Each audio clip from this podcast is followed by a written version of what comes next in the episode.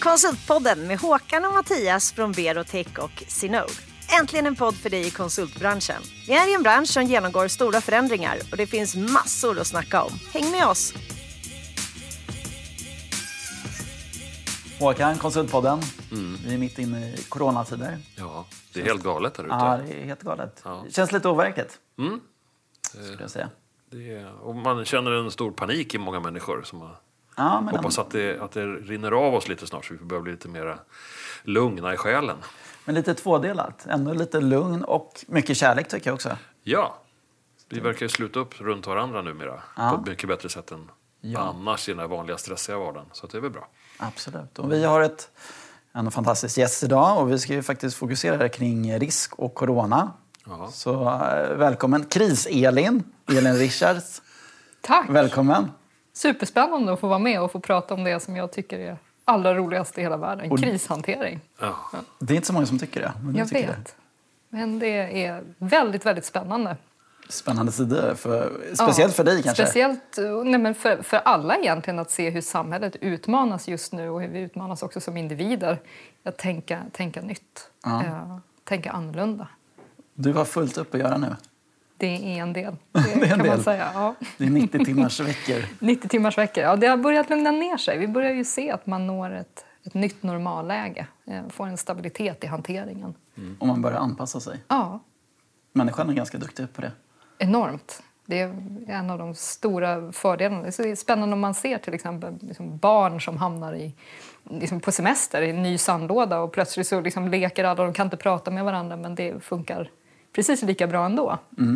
Och det är också en av de största utmaningarna om man tittar på krishantering. Just att vi är duktiga på att anpassa oss gör att vi ibland har svårt att se att man faktiskt är i ett krisläge för att vi anpassar oss successivt till försämrade eller andra förhållanden. Just det. Mm. Men nu har vi ju tvingats in i en anpassning. Eh, Och ganska väldigt snabbt. Extremt snabbt. Men Elin, för oss och mig som inte riktigt vet vad Mm. krishanteringskunskap är. Kan du bara göra en nedslag i de här sista 90 timmarna du pratade om? Förra veckans vanliga. Vad, vad gör man? Vad gör du? Vad har hänt? Vad gör du? Och lite bakgrund kanske. Ja, Vem, vem, är, vem är Elin? vem jag är? Ja, men ska vi börja där? Ja, så ska hur jag, du kom in hur liksom jag kom in i det här. Ja. kris. Ehm, Kris-Elin kommer av att jag de senaste 15 åren har liksom fokuserat och specialiserat mig på just krishantering. Eh, mer av ett, det kommer av ett personligt intresse. Eh, jag eh, var, bodde utomlands och jobbade i Kamerun i Centralafrika som då är ett, ett utvecklingsland och på många sätt har väldigt många utmaningar men samhället fungerar ganska bra ändå. Och när jag är på väg hem igen till Sverige så är det här stora strömavbrottet i Kista. Den här kabelbranden i Akallatunneln där. Som släcker hela norra Stockholm i, i flera dagar. Och jag var så här, det kan inte, kan inte vara sant. Det går inte att ett utvecklat samhälle då, liksom, man tar bort en, en vital resurs och så liksom bara ramlar korthuset samman. Det får inte vara så här. Så då bestämde jag mig för att börja jobba med risk och krishantering och har gjort så sen dess. Eh, väldigt fokuserat. Och du har jobbat lite med WHO Mm. och Anders Tegnell. Anders Tegnell också, precis. Att, eh, du, Om du inte hade det. varit i Kamerun, hade du gjort samma val då tror du? För det, det lät som du gjorde en jämförelse med ett utvecklingsland Mm. som ändå funkar okej och så kommer du hem till fina Sverige där, där allt ska funka. Var Mm. det det som gjorde att du triggade igång? Eller? Just, just det här att se eh, liksom skillnader. Eh, jag är ju medicinsk geograf i grund och botten. Eh, och som medicinsk geograf så blir man specialist på att se mönster och beroendeförhållanden.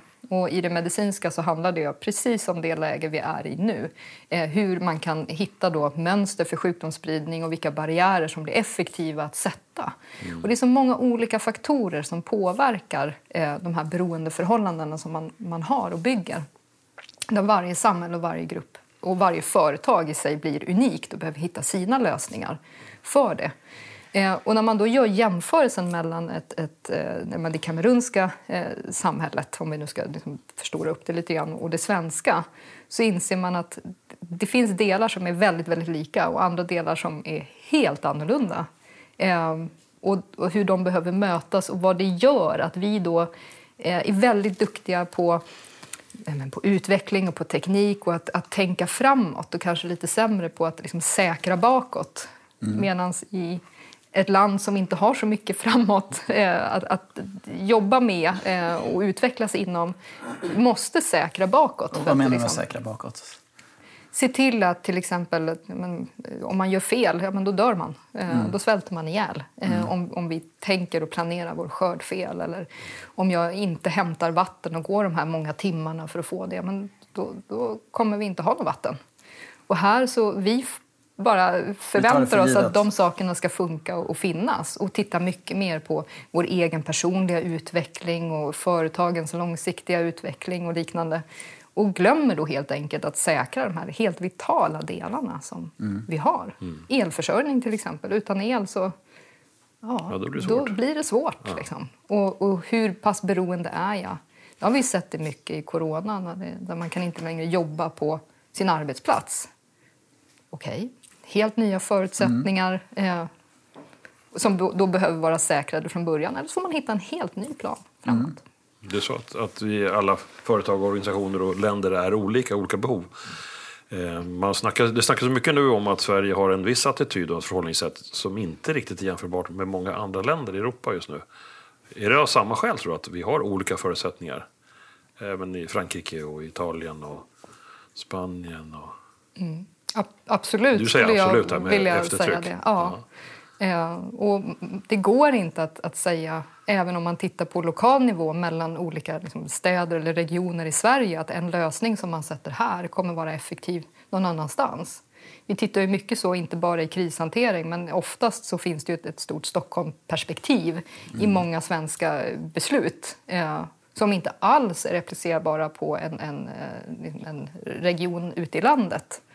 Eh, och samma sak gäller ju då om man ska ta ett, ett eh, åtgärdspaket som man sätter i Frankrike. Ja, men det, det behöver ju inte alls vara effektivt i den svenska miljön och liknande. Vad skönt eftersom vi blir lite ifrågasatta just nu, svenska systemet och idén av journalister. Mm. Eh, Det är ju spännande att det, det låter som när- Anders Tegnell och de pratar om att de lägger en idé och sen får regionerna själva göra strategier av dem. Det är ju liksom, det är samma Mm. facit som du är van att prata i. Då. Men du, du tror ju mycket på Anders Tegnell, att han har, att han har gjort rätt. Vi Ja, får väl se. Men, Vi, det, det är ju alldeles för sent att säga Ja. någonting och egentligen om, om något land och, och vilken effekt corona egentligen har haft. Just det är mycket spekulationer, det är mycket tyck och tänk. Eh, och det ska bli jättespännande att se i slutet på det här året och de kommande åren hur effekterna blir och vad man bedömer har varit liksom, effektiva insatser och eh, ja, mindre effektiva. Men det igen så måste man göra det på olika nivåer. Det går inte att säga att eh, Frankrike gjorde rätt eller Sverige gjorde rätt därför att man har gjort det utifrån de förutsättningar man har Yes. haft och där man har lett. Ja. Men man kan nog dra positiva erfarenheter från olika, olika hanteringar och säga. men du jobbar ju med, med företag. Och, eh, vad jobbar du med konkret med, med kris? Är det förberedelser eller? Allra helst så jobbar vi ju såklart förebyggande och förmågehöjande. Eh, och då gör vi det i två olika perspektiv. Det ena är att, att stärka den organisatoriska kompetensen i form av att se till att det finns planer på plats, att vi har tydliga mandat och gränssnitt, att vi vet vilka beroenden vi har. Alltså hur ser vår interna organisation ut och våra kompetenser? Vilka behöver vi? Och vilka leverantörer, men också kunder, är vi helt beroende av att de fungerar bra. Alltså den, den typen av eh, liksom, analyser och, och planläggningar är en stor del av det vi gör. Hur duktiga tror du svenska företag är? Och kanske konsultföretag? Konsultföretag är ju väldigt duktiga på sitt område. Eh, De, man är ju det som konsult, precis som jag själv som kriskonsult. Jag är specialist på krishantering. När det kommer till andra delar, ja, jag kan bara nämna IT som ett exempel. Det är inte eh, varken min eller mitt företags starka sida. Eh, Och på samma sätt så förväntar jag mig nog att en, en IT-konsult inte är specialist på krishantering heller och ska så inte vara. Men, men de eh, kanske inte har tänkt så mycket på det sättet heller, med risker, tänker jag. Det jag ser som, som eh, härligt med, med konsultbranschen generellt det är ju den här liksom, framåtblickande och kreativiteten som finns. Eh, och oftast så finns det ju en, en, en korrelation mellan liksom, kreativt tänkande och liksom, snabba beslut eh, och att man kanske är lite mindre på att, att säkra upp bakåt, så som jag nämnde tidigare. Liksom verkligen ha koll på förutsättningar och omfall och strategi eh, i ett risk, risk och säkerhetsperspektiv. Eh, och I sådana här lägen så ger det då en möjlighet att kanske snabbt ställa om och förändra sin verksamhet. Men jag tror att vissa saker hade man kanske inte behövt utstå fullt ut om man hade jobbat förebyggande och förberedande. Om man nu är sån som jag då, lite naiv och inte har gjort någon riktigt bra förberedelse, vad, vad, är, det, vad, är, det man, vad är det du jobbar med då? Om ett företag inte har lyckats vara så planerade. Jo, men, om man då kommer i att man har utstått någonting eller att vi är i en situation som vi är i nu där många, mm. många är i kris då handlar det väldigt, väldigt mycket om att skapa sig rätt beslutsunderlag. Och då brukar det benämnas som att skapa din egen lägesbild. Det, det, rapporteras otroligt mycket i media. Det ges ju en bild och det är lätt att man tror att det, det är den bilden som är, det är det som är mm. sanningen. Eh, och det viktiga är att ta all den här informationen som finns och så säger man vad betyder den för mig och för mm. min verksamhet. Mm. Eh, så att skapa en egen lägesbild. Och det är nog det första som vi eh, hjälper till med och gör i de fallen som vi blir Och vad behöver man tänka på? Kunder, leverantörer, medarbetare? Mm. Och det ena är ju då att göra eh, den, den, interna analysen av läget. Hur mår verksamheten faktiskt? Eh, både hur mår personalen i ett kompetensförsörjningsperspektiv men också i som det personliga, mjuka. Är man väldigt orolig? Är man rädd? Eh, eller är man helt paralyserad av skräck eller vad nu det skulle kunna mm. vara. Eller är man liksom kreativ och handlingskraftig? Det är jätteviktiga inventeringar att göra. På samma sätt som den ekonomiska situationen i det här fallet är jätteviktig att reda ut. Alltså, hur länge klarar vi det här och vad behöver ske för att det ska bli hållbart? Eh, så att vi kan börja fatta proaktiva beslut och inte bara hamna i lägen. Mm. Men på samma sätt är det jätteviktigt att titta på det externa. Alltså hur ser vår leverantörssida ut? Kan vi få eh, support? Kan vi få de varor som vi eventuellt behöver ha? Eh, och kan vi inte få det, men vad gör vi då? Hur hanterar vi det? Och sen så är det också att titta på hur, hur kundernas behov och beställningsförmåga ser ut. Så de delarna måste ingå i den här lägesbilden som vi sätter så att vi navigerar rätt. Mm. Mm. Ja. Och lite mer konkret, hur brukar ni göra? Några tips? Vi, det, har ni någon war room? Eller ja, vi, vi tror ju väldigt mycket på, på att man måste visualisera saker.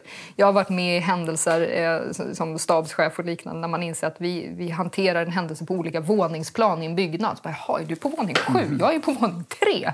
Okej, inte konstigt att jag tycker att du fattar konstiga beslut just nu. Så att, att tillsammans sätta sig ner med, med, den grupp som man behöver, de olika kompetenser som liksom representerar verksamheten och visualisera upp det här. Nu ska man ju helst inte ses då, fysiskt Nej. och det gör det ju svårt med det som om en war room mm. eller att, att rita upp det på en whiteboardtavla. Då får man hitta andra sätt att faktiskt kunna dela läget i realtid med varandra. Och det finns digitala system eh, som är anpassade precis efter det här. Eller så väljer man en, en enkel eh, SharePoint-lösning som man bygger själv. Eh, men det viktiga är ju så här, ja, men uppfinn inte hjulet när saker och ting finns i såna här lägen. Du kan ju IT. ja, men det är väl bra att liksom, vi verkligen gör en kartläggning innan mm. man tar några eh, stressade beslut. Mm. Ja. Och hur länge, ja, men vi, vi sitter i samma situation. Liksom, medarbetarna sitter ute på distans och jobbar. Mm. Hur ofta börjar man liksom nu har vi daglig kontakt med dem. Hur, hur börjar man följa upp liksom, hur mm. de verkligen mår? Och vad, finns det några rekommendationer i det här läget? Men, vi har gjort någon enkät och sådär. Ska mm. man liksom fortsätta med mm. sådana verktyg? Eller? Jag tror ju att när alla nu sitter, sitter ute så är det ännu viktigare att skapa liksom en ny gemenskap även om man kanske i vardagen, i vanliga fall, i det gamla normalläget innan corona, konsulter ska ju inte sitta tillsammans, de ska ju vara ute och mm. leverera. Eh, men då liksom är man ju en positiv anda tillsammans och delar eh, liksom, ja, positiva problem och utvecklingsdelar hos sina kunder. Nu sitter man i ett helt annat läge och där tror jag att gemenskapen blir ännu, ännu viktigare för att mm. orka lite till. Eh, och då behöver man kanske liksom intensifiera sin kontakt eh, och dialog med medarbetarna och att medarbetarna också känner en trygghet i att, att företaget och ledningen faktiskt finns där. Det mm. finns ett, en, ett stöd. Och kanske allra, allra viktigast, att det finns en väg framåt. Mm. Att det, det, är inte så nattsvart, utan vi kommer vidare. Vad har du tips hur man målar upp en, en sån väg? Vi vet fram. ju inte när det tar slut där. Nej. Men man måste ändå ha en positiv framtidstro. Det Ja. måste man på något sätt förmedla. Och huret är väl jättesvårt, vi är alla olika. Men Men vi, vi, vi gör ju lite andra sociala grejer försöker vi göra. Men AV digitalt, online. Vi hade, I måndags hade vi frukost, brukar vi ofta ha på kontoret på måndagar. Nu hade vi det online. det är bra. Nu, nu har jag haft lite så här träningsgrejer, så jag har lite ont i benen här för att vi körde jägarvila online och såg vem som klarade sig längst. Och igår körde vi planka online. Ja, det är Så lite så här, ja, men jag, tror det kan vara bra med lite så här, lite, alla är ju inte med, men det blir ändå liksom en, en high-five i kameran. Och, Ja, det är vi- viktigt de här sociala grejerna som man får kanske vid kafferasten annars. Som, Det är jättebra. Vi delar ju, vi skickar ut något material varje måndag som heter Coronanytt eller inte vad det kallas. Men på något sätt både för vad vi har lärt oss själva och hur det funkar för oss som alla egenföretagare. Mm. Det är ju väldigt mycket brus nu om hur man ska få hjälp och stöd. Det är också en stor fråga för alla småföretagare. Så Mm. det är ett sätt att ha en kanal igång. Så är det. Och kommunikation, bara, om vi tar inte de sociala bitarna, de mer allvarliga bitarna. Hur, hur ska man göra som, som ledare? Jag tror ju att transparens och öppenhet alltid vinner i längden. Ehm, Men det är ju personligt eh, åsikt. Då. Men när man tittar på just kriskommunikation, när det handlar om att, att hantera känslor hos den man kommunicerar med så är det så otroligt viktigt eh, att man dels har en kommunikativ målbild. Alltså, vad vill jag uppnå med det budskapet som jag går ut med? Eh, för det kan vara så att vi hamnar i ett läge där vi behöver vara liksom, styrande och ledande mot våra eh, medarbetare. Så här, nu ska ni återgå till arbete igen. Och ni ska på måndag klockan då och då befinna er här och här. För ett, då behöver man vara, ha det som målbild, att det är det här som, som ska förmedlas när man skriver ihop den. Man ska vara extra, extra tydlig. Nej, men Mm. Nu det, kan det vara väldigt tuffa besked. Det kan vara varsel och Verkligen. permitteringar. Och, Och i all kommunikation, eh, oavsett den målbild man väljer, om den så ska vara lugnande, eller informerande eller styrande ledande, så gäller det att eh, i ordning använda sig av empati, ansvar och handlingskraft.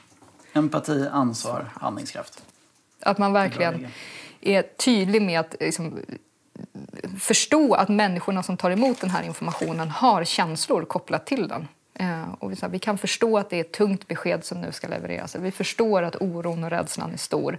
Eller vad det nu är för känsla som man har liksom uppfattat finns. Eh, att man verkligen liksom lyfter den och säger att det, är- det är okej och vi förstår det. Att man också visar på att man har ett tydligt liksom, ansvarstagande. För vi har samlat vår grupp, eller vi har tittat länge på det här för att hitta en bra lösning. Och så visar man på handlingskraften, som är den här.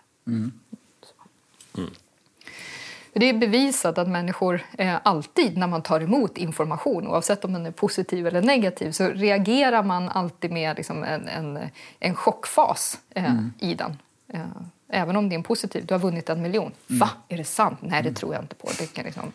Och så är det med annan information också. Och då är just det empatiska extremt viktigt för att man ska komma igenom en sån stresskurva.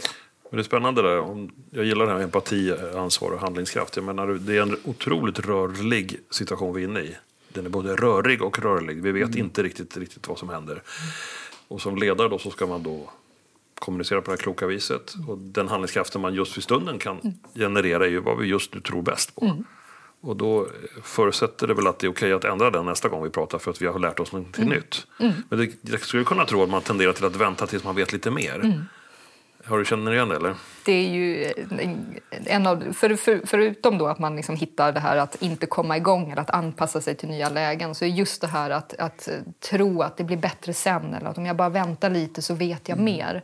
Eh, det är den andra st- stora, stora utmaningen i krishantering generellt. Och där kan man väl säga, nej men vi vet inte förrän efteråt vad som har hänt och vad vi borde ha gjort. Att vara efterklok det är den enda sanna vetenskapen som finns. Så, och, men, haverikommissionens rapporter de tar ju två år. Eh, och då vet vi vad som har hänt och vad vi borde ha gjort. Precis.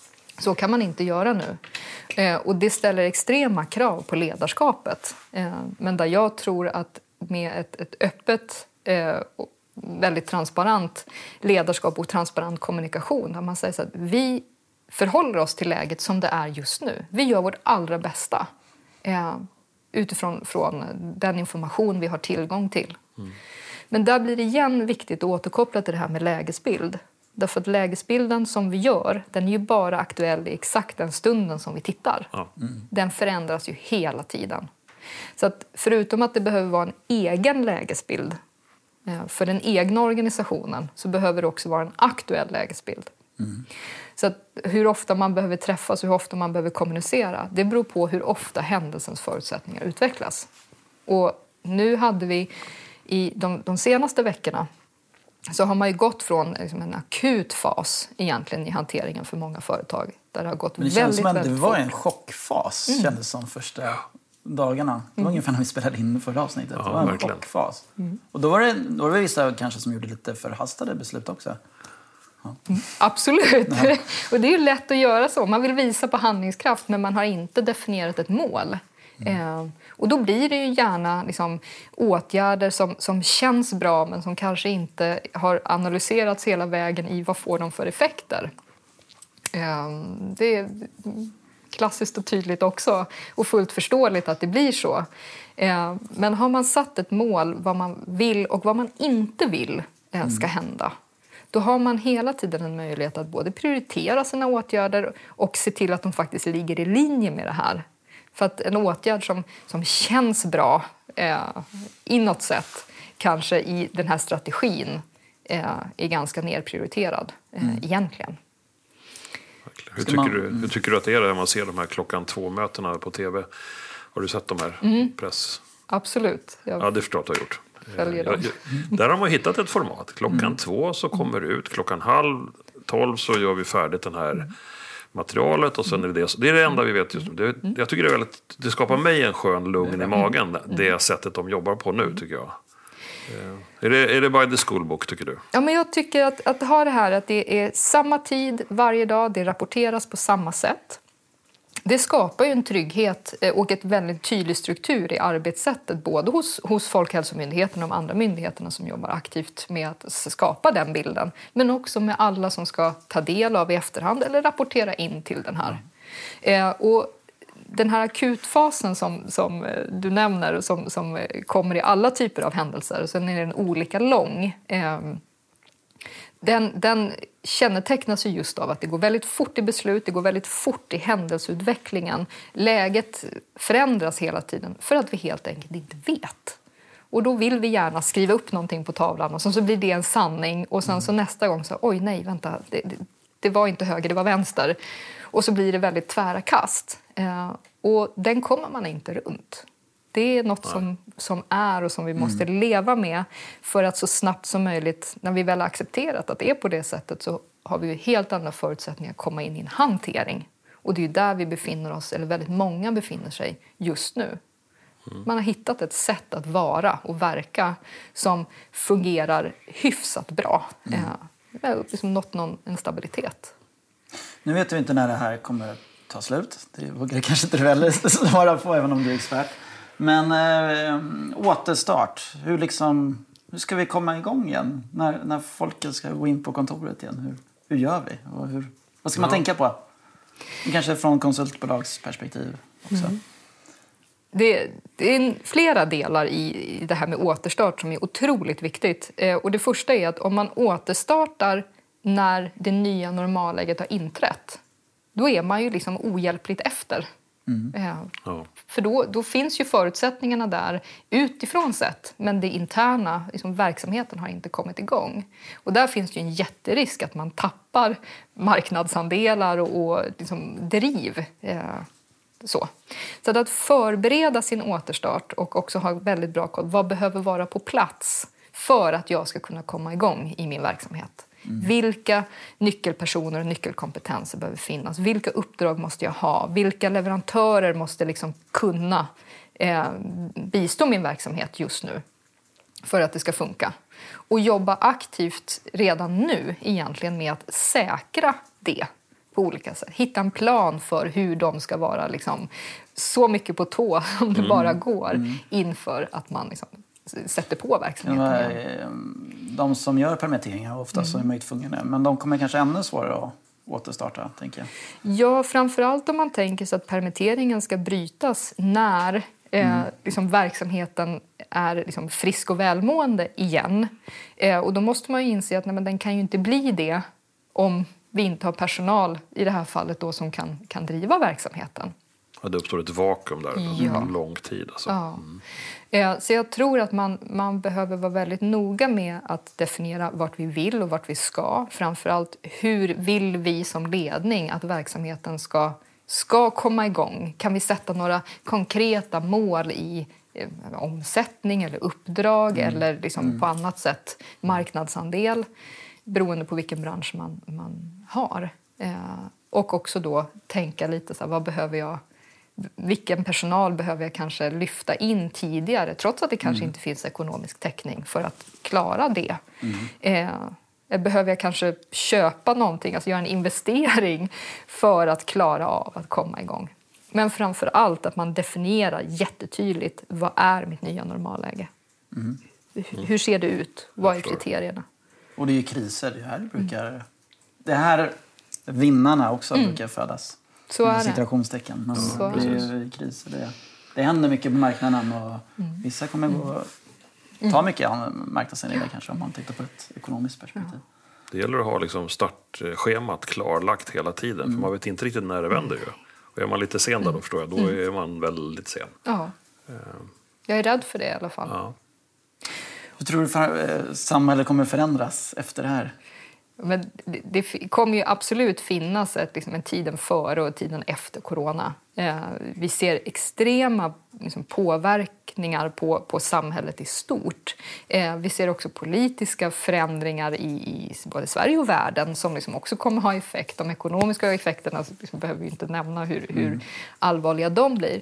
Men framför allt så tror jag att behoven eh, hos marknaden kommer vara helt annorlunda efter. Och framför allt att man kommer ha andra liksom, motiveringsfaktorer till att, att jobba med och investera i saker. Eh, så så att, att redan nu som konsultföretag titta på mina specialisttjänster. Hur kommer jag behöva liksom, marknadsföra dem för att de fortsatt ska ha liksom, bästa eh, Har du några bästa bra effekt? exempel? Hur ska man Ja, men om vrida man- om sitt budskap? det, senaste tiden så, så har det ju här med, med ledarskapsutveckling och grupp, eh, gruppdynamik och väldigt liksom så här, men interaktiva och positiva aktiviteter varit eh, en stor marknad. Och jag tror att i den korta tiden efter corona så tror jag att det, kommer inte vara så här, åh gud vad härligt, nu ska vi ut och göra en kick-off tillsammans och bygga team. Utan det kommer finnas andra behov, men ledarskap är lika viktigt. Och kanske ännu viktigare. Eller hur? Men då blir det ju, hur ska jag då paketera det för att liksom, det ska bli attraktivt? Samma känsla. Ja, leda i kris eller i tuffa lägen lär ju bli ett intressant ämne att lära sig. Ja. Ja, Jag har en spaning. Jag tror, nej, men jag tror paketerade tjänster och sånt kommer slå mycket, mycket mer framöver. Det kommer mycket mer viktigare och kunderna vet vad de vill. De vill ha ett paket liksom, mer färdigt kanske. Du tror det? Ja. Ja, ja ja. vi får se. Du, Sen kan man också se, och till viss del som, är, som konsult själv hoppas på att, att behovet av expertkompetens inom olika områden kommer att, att tas på ett annat sätt. Man kanske har mindre egen personal för att man har tvingats över sin ekonomi men, men det, man har fortfarande ett behov och det måste täckas. Så det kanske blir positivt i längden för konsultbranschen. Ja, det, Det kanske det, kanske. Det är kanske. kanske eget önsketänkande. Men, det blir i alla fall annorlunda. Ja, det blir Ja, men annorlunda. Men det kanske blir mer att man, precis, man Jag tänker- köper in sin... Jag tänker också på Magdalena Andersson och gängets eh, krispaket som kom fram nu i flera steg. Eh, förstås väldigt, väldigt kopplat till anställda och tryggheten kring permitteringsfrågor och konsultfrågorna kommer kanske nu. Och egenanställda har man liksom inte riktigt hunnit med. Men jag tror att man kommer tvinga... Man inser att det är rätt mycket människor som jobbar i vår bransch som inte är med i något fack eller någonting. Jag tror man, måste, jag tror man kommer ge- se oss på ett annat sätt. Så det kan ju vara en fördel. Ja, det. Ja, hamnat lite i kläm, konsultbolagen. Ja, säga. kan man lugnt säga. Ehm, hur, eh, efter den här krisen, då, men hur, hur bör vi som konsultbolag och kanske konsulter tänka kring risk? Hur ska vi förbereda oss för nästa kris? Mm.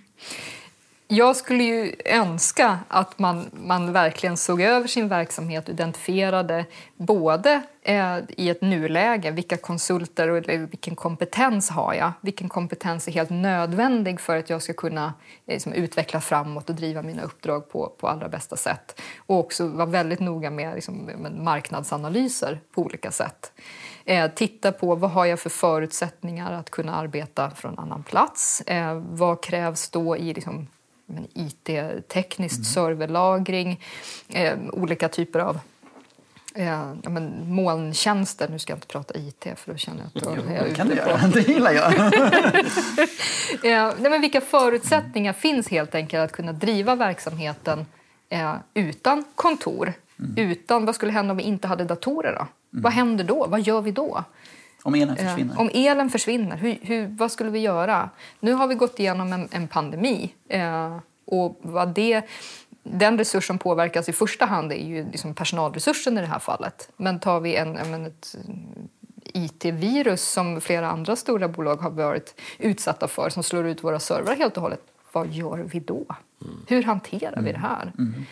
Eh, så tänka igenom lite de här liksom, krisscenarierna som helt skulle kunna liksom, dra undan mattan på verksamheten. Och... Kan det vara så att vi ökar vår lägsta nivå av medvetenhet kring kriser efter det här, under den här perioden? Jag, jag ser ju väldigt, väldigt mycket positivt ja. som händer. Alltså det är mycket negativ rapportering och det, det är svarta rubriker hela tiden. Mm. Eh, men om man ser allt det, det, positiva och det fina som händer eh, så tycker jag att vi kommer se en, en markant förmågehöjning efter mm. eh, corona. Vi kommer se en en helt annan syn på risk. Helt annan syn på risk. Och en Både helt nationellt och bolagsnivå och enskilt. Ja, och jag tror också där från det individualistiska, tänka mest på sig själv-upplägget som vi är vana att leva i, tror att det här kollektiva, nu börjar vi förena oss igen. Vi hjälper varandra, vi hjälper den gamla tanten att handla mat. Ja, utan att det, det finns en fin grej i det som jag tycker vi måste ja, det, värna om. Det. Som jag tänker att den borde man kunna hålla i lite. För det är risk att vi går tillbaka till vardagen igen så fort det finns en chans. att bara ut i vänsterfil och så trycker man på gasen mm. och så kör man igen. Så det, vi får se var det tar vägen, men mm. jag hoppas att det blir lite klokare. Med. Det jag ser som, som eh, det unika och fina i den här händelsen är att alla är lika påverkade. Mm. Och Det gör att förståelsen för att det, det, det handlar inte bara om mitt företag eh, och min förmåga att överleva det här utan om inte mina konkurrenter och mina leverantörer och mina kunder överlever då spelar det ingen roll hur bra jag är. Eh, man är en del av ett system. Man är del av ja, ett system. Det är det man ser. Och, ja, och just det här systemtänket, det är ju det som, som jag eh, älskar att titta på allra mest. Eh, både som företag, som offentlig verksamhet eller som individ. Att förstå att man är del i någonting större. Eh, och man behöver göra avkall, men man kan också få saker tillbaks. Så ska man skicka med något så riktigt, använd ert nätverk. Sitt inte och titta mm. själv i er verksamhet vad man borde göra. utan men ring en vän eller ring en expert som, som kan, kan hjälpa till att utvärdera och se vad man, vilka vägar finns det. Mm. Och att också utnyttja sina branschkontakter och sina kundnätverk och sina leverantörsnätverk. Ja, det jag tänkte. Man skulle kunna sätta en leverantör, mm. kund och oss i samma mm. rum och säga okej, okay, ja. vi, vi har en gemensam utmaning. Hur löser vi det här ihop? Ja. Verkligen. För jag förvånades hur jag reagerade för tre veckor sedan. Att det här korthuset var ganska skört. Mm. Mm. Det kändes som att vi hade en maskin som bara rullade. Vi, vi slösar sönder vår natur. Vi slösar ja. sönder naturen, det märkte jag lite grann. Och, och det ständig tillväxt skapar liksom ännu mera. Men det räcker att man bara stänger av en kran här just nu. Mm. Så börjar liksom det, det sinar på så många ställen. Det förvånar mig hur, hur skört det är. Mm. Ja, Men det finns hopp. Det finns hopp. Ja. Det är en intressant tid. Väldigt. Speciellt för dig. uh, kommer, kommer pandemier vara den största risken framöver? Eller? Vad tror du? Men så är det alltid när, när ett samhälle eller en aktör drabbas av någonting. Då blir det liksom den nya hypen. Ja, och sen så alla, okej, okay, de var utsatta för en IT-attack, då ska vi mm. också titta på det. Så nu tror jag att förmågan att hantera pandemi den kommer vara ganska god här framöver mm. ett litet tag. Eh, men då gäller det att man liksom tar det tänket och tittar även på andra saker mm. som kan hända. Men att vi har återkommande pandemier och liksom sjukdomar som sprids i världen, det här är inte första gången, det är inte Nej. heller sista gången. Eh, så så att, att, ha en bra pandemiplan, det är man nog alla av även efter. Ja, har du några Slutkläm. slutkläm? Nej, jag är bara imponerad av att få träffa ännu en expert. Shit, Ja, vad men det- häftigt. Eh, Kris-Elin. Ja, Krisen. Ja, men jättehäftigt och, och, och intressant. Ja, det finns verkligen. så mycket att prata om här. Verkligen.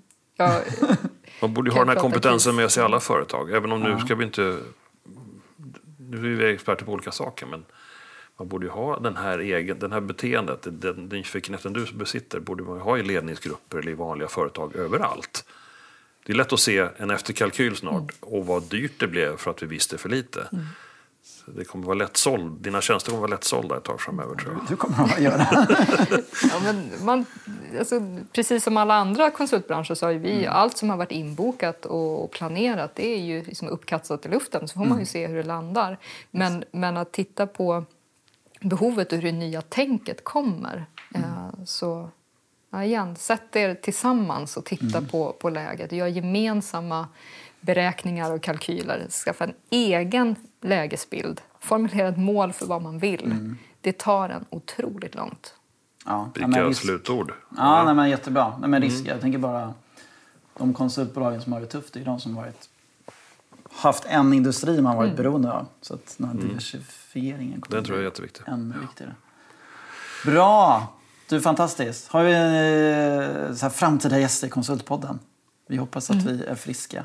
Sitter här framöver också. Jag funderade faktiskt på det innan jag kom hit. Så vem skulle jag vilja höra och lyssna? Och jag skulle vilja se hur en, en konsultinköpare i någon av de riktigt stora, kanske statliga verksamheterna tänker i rådande läge. Hur ser man på liksom, tillgången och behovet av konsulter framöver?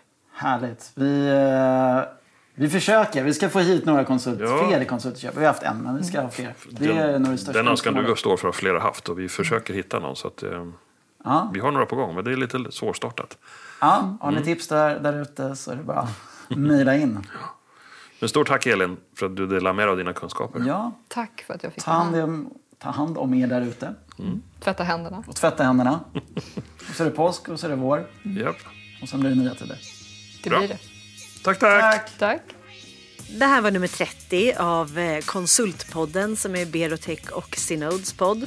Du hörde Mattias Loxi och Håkan Mild Svensson och dagens gäst heter Elin Richards och hon är VD och krisexpert på Practice Risk. Vi producerar hos Septemberfilm.